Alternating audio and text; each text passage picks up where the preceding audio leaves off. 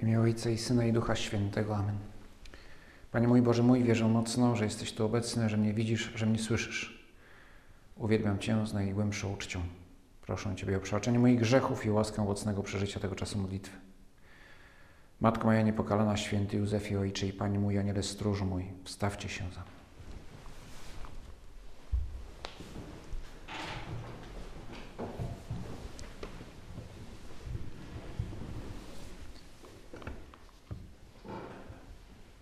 Zapytany przez faryzeuszów, kiedy przyjdzie Królestwo Boże, odpowiedział im: Królestwo Boże nie przyjdzie dostrzegalnie i nie powiedzą: Oto tu jest albo tam.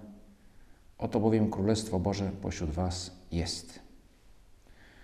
Wszyscy wówczas mówili o Królestwie, wszyscy świadomi, wierzący, traktujący poważnie swoją, swoją wiarę, swoją religię, daną nazwaną dzisiaj religią mojżeszową, wszyscy oni czekali.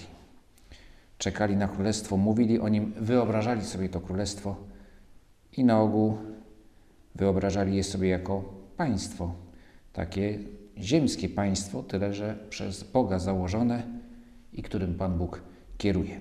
I dodajmy, Pan Bóg zajmuje się wszystkimi trudnymi, kłopotliwymi, czy wręcz nierozwiązywalnymi, nierozwiązywalnymi problemami z jakimi boryka się każde, każde państwo. Tym o to wszystko troszczy się Bóg, ale to państwo składa się z ludzi. Królestwo Boże przez Boga prowadzone. Pan Jezus też mówi o królestwie, tylko że on nie czeka na królestwo, tylko on je buduje.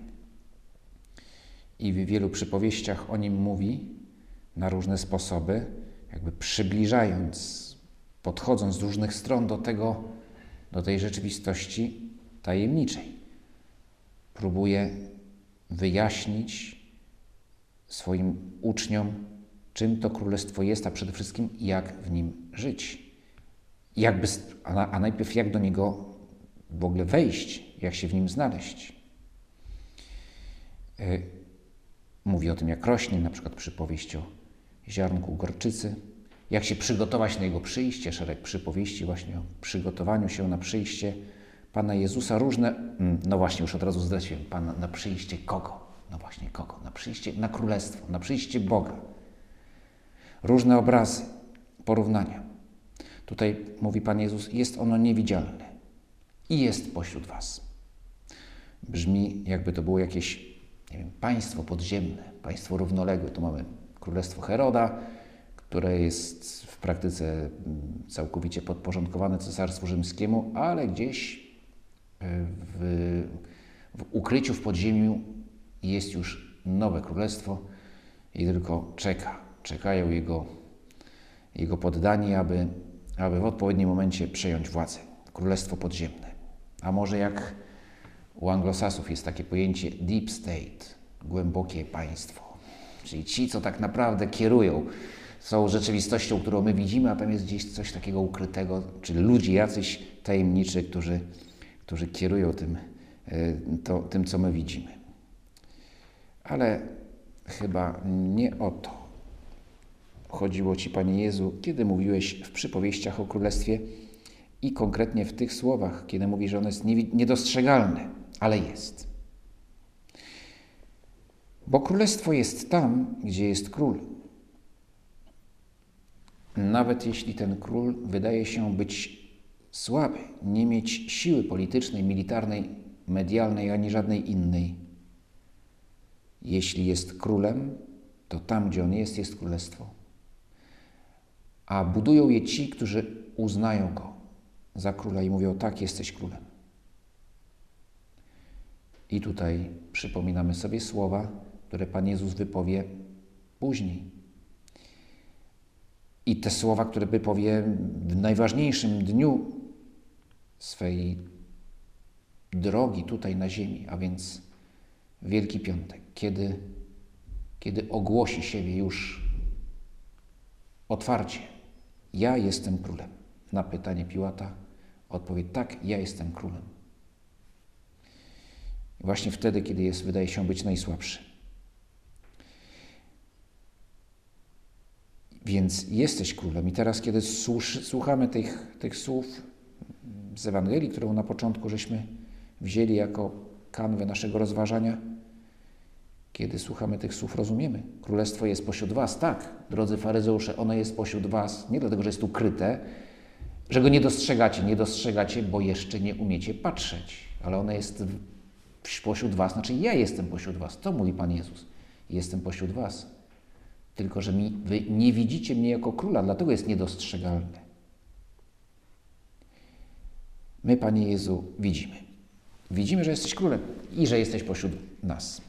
To są te dwie prawdy, które przyjmujemy dzięki wierze, że jesteś królem i jesteś pośród nas. Jesteś blisko nas. Tu w tej kaplicy ta obecność się jakoś szczególnie wyraża tym, że jesteś obecny w tabernakulum, który zresztą jest trochę wyżej niż my tutaj siedzący. E, I więc możemy nawet na to tak popatrzeć właśnie jako tron. Tak? Nawet się zresztą używa w liturgii takiego określenia tron, to jest to miejsce, gdzie się, na którym się stawia Przenajświętszy Sakrament w czasie adoracji. Nie wiem, czy tak się mówi w Polsce, ale w innych językach, po hiszpańsku czy po włosku, tak się ten, to, to, ten, nie wiem jak to nazwać, mebel tak się nazywa, na którym się stawia Przenajświętszy Sakrament. Nie, nie jest dokładnie, znaczy, na którym się stawia taką małą monstrancję z Przenajświętszym Sakramentem. No więc jesteś królem pośród nas i wierzymy, że jesteś pośród nas i że jesteś królem. I kiedy te dwie prawdy przyjmujemy, wtedy królestwo zaczyna rosnąć. No, ono rośnie tak czy owak, bo zawsze są ci, którzy na szczęście nie brakuje tych, którzy wierzą. Więc to nie jest tak, że ono tylko to ode mnie zależy.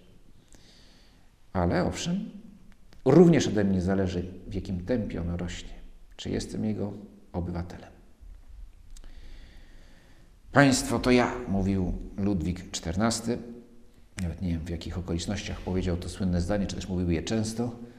Można by to sprawdzić, ale, ale no, to zdanie jest tak kojarzone właśnie z tym królem królem, który jest wręcz taką ikoną państwa absolutystycznego. To znaczy, że państwa, w którym jedna osoba ma pełnię władzy.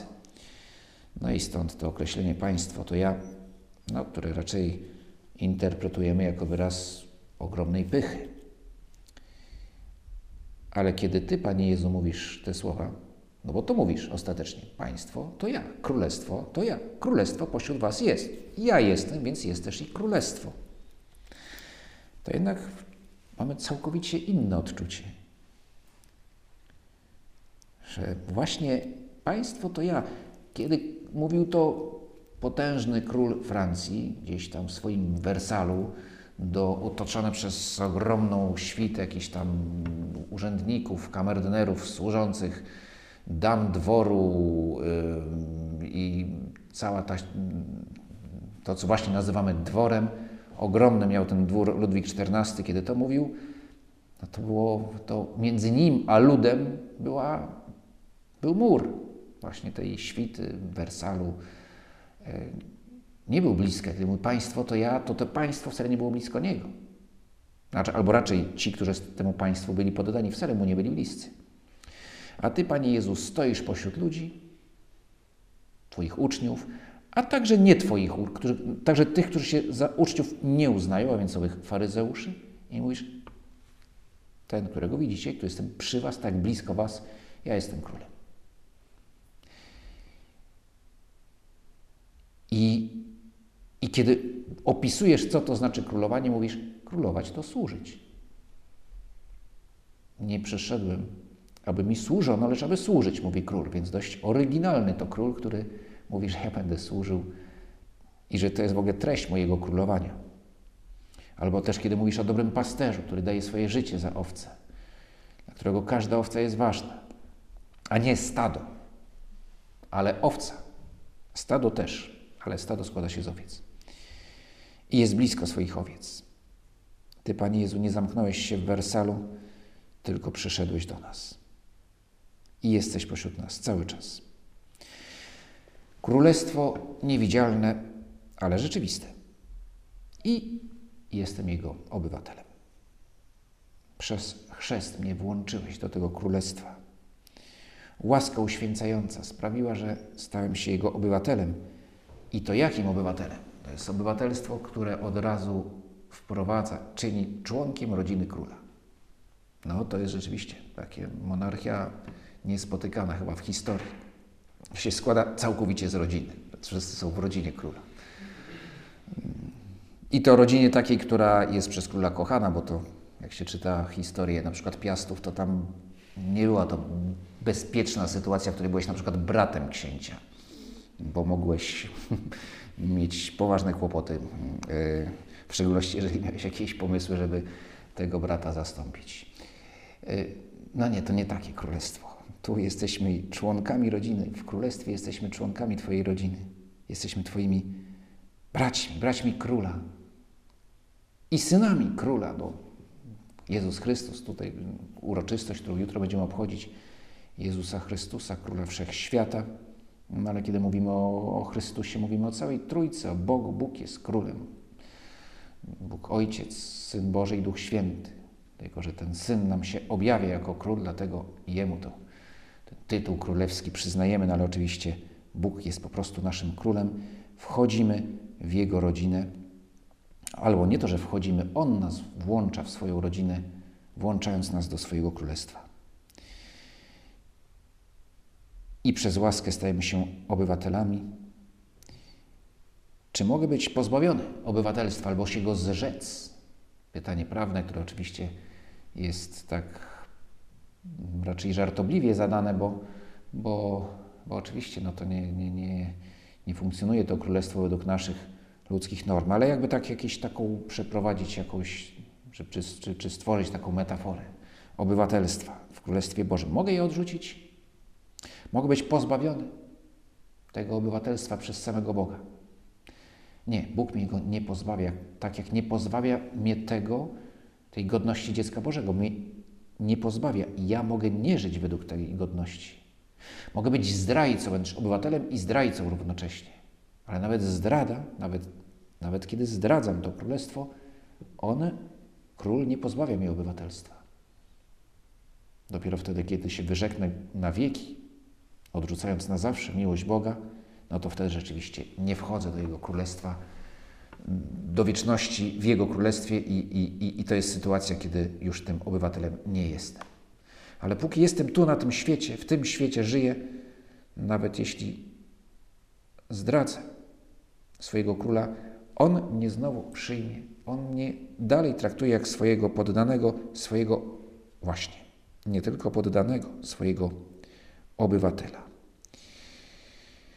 Bo tym niemniej warto dbać o to, żeby ten dokument tożsamości był ważny. Przedłużać jego ważność. E, jeśli ją utracę w szczególności ze swojej winy, to jednak no, postarać się o przedłużenie konkretnie. Jeśli zdarzy mi się utrata tego stanu łaski uświęcającej z powodu grzechu ciężkiego, jak najszybciej iść już nie do urzędu, ale do króla bezpośrednio. To się załatwia bezpośrednio z królem. Nie, nie, nie w urzędzie. Znaczy jest jakiś urzędnik, to jest kapłan, który sprawuje, sprawuje w imieniu króla tę procedurę powracania do, do królestwa. Ale to król decyduje.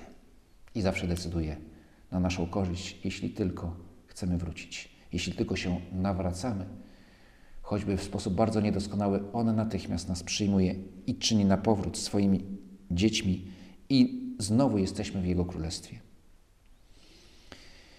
W tym Królestwie Ty, Panie Jezu, jesteś władcą absolutnym, to w pełnym tego słowa znaczeniu, tak? Ten Ludwik XIV, to on tak się, tak jest nazywany, władca absolutny. Może tak sam siebie uważał, że mam pełnię władzy, ale nie oszukujmy się, no nie miał pełni władzy. Mnóstwo rzeczy była poza jego kontrolą, bo nikt na tym świecie, choćby był najpotężniejszy, nie ma kontroli nad wszystkim, bo człowiek no, z natury rzeczy nie jest, po prostu nie jest Bogiem. Tylko Bóg ma władzę absolutną, bo jest absolutem, znaczy czymś, kimś, ponad kim już nie ma nic. E, więc jesteś, Panie Jezu, władcą absolutnym. My Ciebie nie wybraliśmy na króla świata, Ty po prostu nim jesteś. To nie jest, że to były wybory, taka wolna elekcja, tak jak to w Polsce były przed wiekami. Nie, nie, po prostu jesteś królem. Ale równocześnie chcesz, aby każdy poddany Twojego królestwa był obywatelem, a więc kimś, kto się czuje odpowiedzialny za to królestwo. Że się czuje wolny, no bo słowo obywatel co najmniej kiedyś oznaczało kogoś, kto jest wolny. Dzisiaj to nieco inaczej niestety to wygląda, ale kiedyś słowo obywatel oznaczało kogoś, kto czuje się odpowiedzialny za, swoją, za, za swoje państwo i że jest wolny. I my jesteśmy wolni w Twoim królestwie.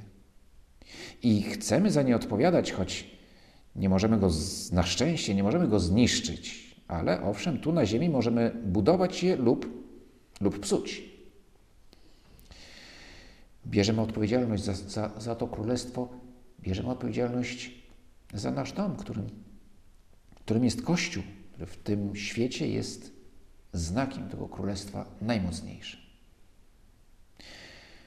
Właśnie to oznacza odpowiedzialność za Kościół. Nie urządzanie go według swojego widzimisię, tylko bycie poddanym, wolnym, ale jednak poddanym króla, który mnie traktuje jako wolnego obywatela i równocześnie mówi: Chcesz być w moim królestwie, to słuchaj tego, co mówię. Papież w homilii do, na zakończenie sesji synodu mówił do uczestników, no i do nas wszystkich również, że zachęcał do modlitwy przed tabernakulum, do adorowania, konkretnie mówi, adorujcie, adorujcie Pana, adorujcie Boga. I konkretnym tego wyrazem jest właśnie modlitwa przed tabernakulum. I mówi to w tym kontekście, że jeżeli patrzymy się na siebie samych, to nie dojdziemy donikąd. My się musimy patrzeć na Boga, jeśli chcemy budować Kościół. Oto On jest królem, nie my. To nie jest demokracja, której, w której sobie wybieramy Boga, a może wybierzemy kogoś innego. Nie ma innego, jest tylko jeden Bóg. No ale można oczywiście wybrać królestwo, budować tutaj bez Boga. I wtedy już to nie będzie królestwo Boże, tylko będzie to prędzej czy później będzie to królestwo, czy raczej trudno nazywać to królestwem, jakaś tam państwo mm, szatana, który, który chce, jest uzurpatorem i próbuje, udaje króla, prawda, którym nie jest. Nie chodzi tu o konkretne państwo, tylko chodzi o działanie złego ducha w świecie, którym jak ktoś się podporządkowuje, no to przyłącza się do tego bandyckiego państwa. Się nazywa państwo zbójeckie, o takie zbójeckie państwo, którym zarządza szatan. E, I państwo Boże. Królestwo Boże. To, to wszystko, oczywiście to rozważanie trzeba w tym rozważaniu oddzielić tą rzeczywistość ziemską. Nie chodzi o konkretne żadne państwo czy instytucje, ale tą rzeczywistość Bożej obecności w świecie i posłuszeństwa Bogu, który jest królem świata. I mówi papież właśnie o tym, żebyśmy patrzyli na Niego nie na siebie, ale na Niego. Dopiero kiedy patrzymy na Niego, na Ciebie, Panie Jezu, dopiero wtedy możemy widzieć prawdziwie siebie samych i drugiego człowieka. I razem budować to, co Ty chcesz, Panie Boże, abyśmy budowali. A więc Kościół. Jako wyraz tego Królestwa Bożego, a potem te nasze ziemskie królestwa, państwa, republiki, jaką tam formę przyjmą, też je budujemy, bo to jest część naszego tutaj bycia w świecie i naszego powołania. Ale najpierw będąc obywatelami Królestwa Bożego. Królestwo Chrystusa, pisze święty Josemaria, to nie sposób mówienia, nie figura retoryczna. Chrystus żyje również jako człowiek z tym samym ciałem, które przyjął we wcieleniu, którym zmartwychwstał po śmierci na krzyżu i które trwa uwielbione w, uwielbione w osobie Słowa wraz z Jego ludzką duszą. Chrystus, prawdziwy Bóg i człowiek, żyje i króluje i jest Panem świata. Tylko dzięki Niemu podtrzymywane jest w istnieniu wszystko, co żyje. A więc Królestwo Boże, choć niewidzialne, jest rzeczywiste, a więc konkretne. Można je jakoś uchwycić, co oznacza bycie w tym Królestwie. No, oznacza służyć Królowi. Tak, a gdzie go spotkać? Gdzie jest ten król? Tutaj, w tabernakulum oczywiście. jesteśmy przed Tobą, klę... siedzimy teraz, akurat nie klęczymy, ale, ale dajemy, chcemy być z Tobą, chcemy Ciebie słuchać. Ale gdzie indziej jeszcze możemy znaleźć króla, któremu chcemy służyć? Usłyszymy to w jutrzejszej Ewangelii. Pójście, błogosławieni Ojca mojego, weźmijcie w posiadanie królestwo przygotowane wam od założenia świata. Bo byłem głodny, a daliście mi jeść, byłem spragniony, a daliście mi pić.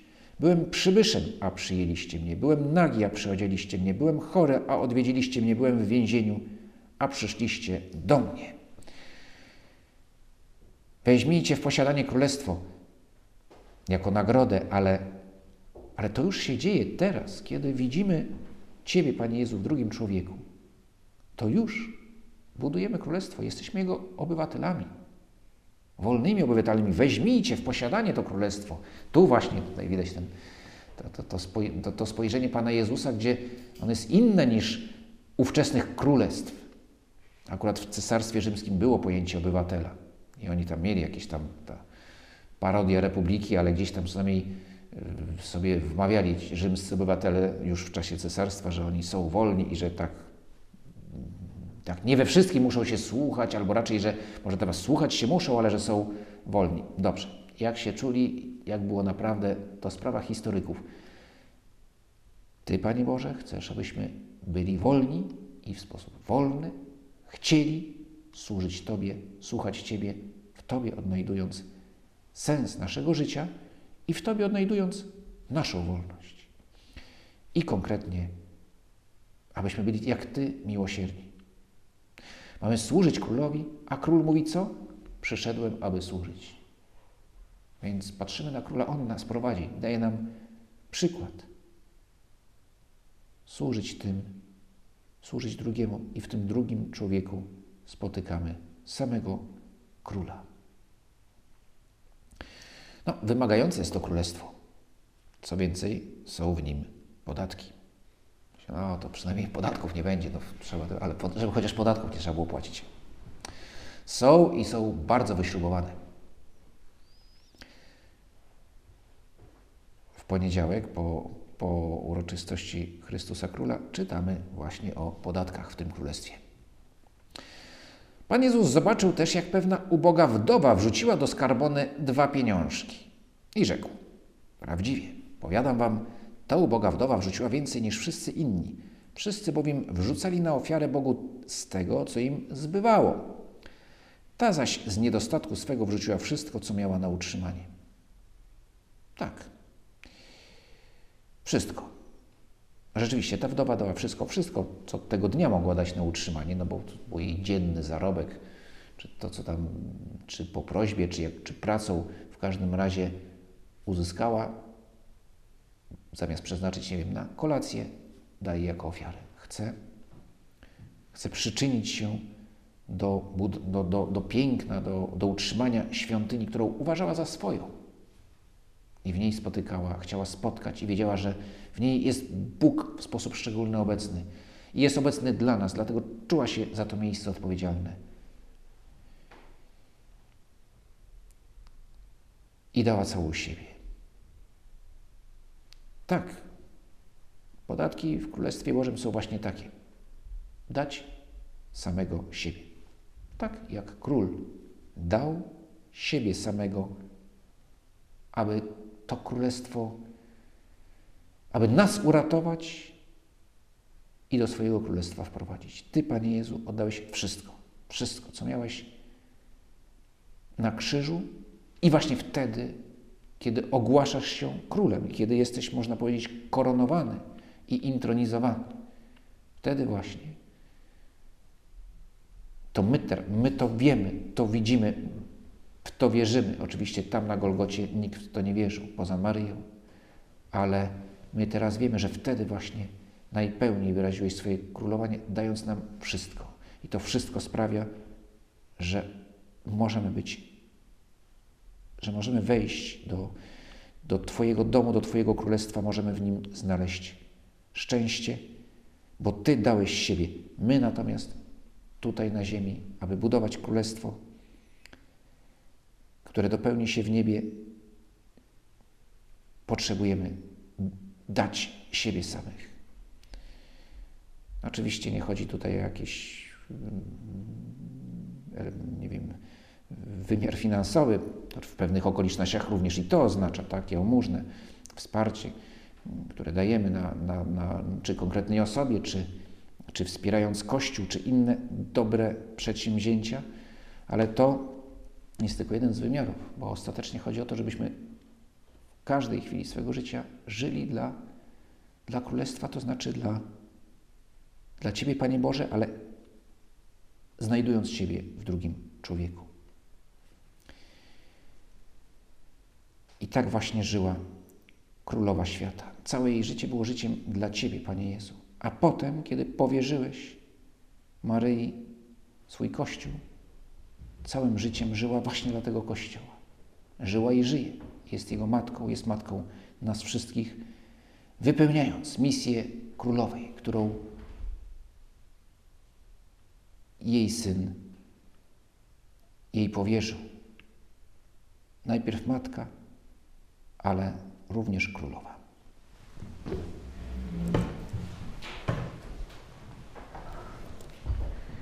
Dzięki Ci składam, Boże mój, za te dobre postanowienia, uczucia i natchnienia, którymi mnie obdarzyłeś podczas tych rozważań. Proszę Cię o pomoc w ich urzeczywistnieniu. Matko moja niepokalana, święty Józefie Ojcze i Panie mój, Aniele stróżu mój, wstawcie się za mną.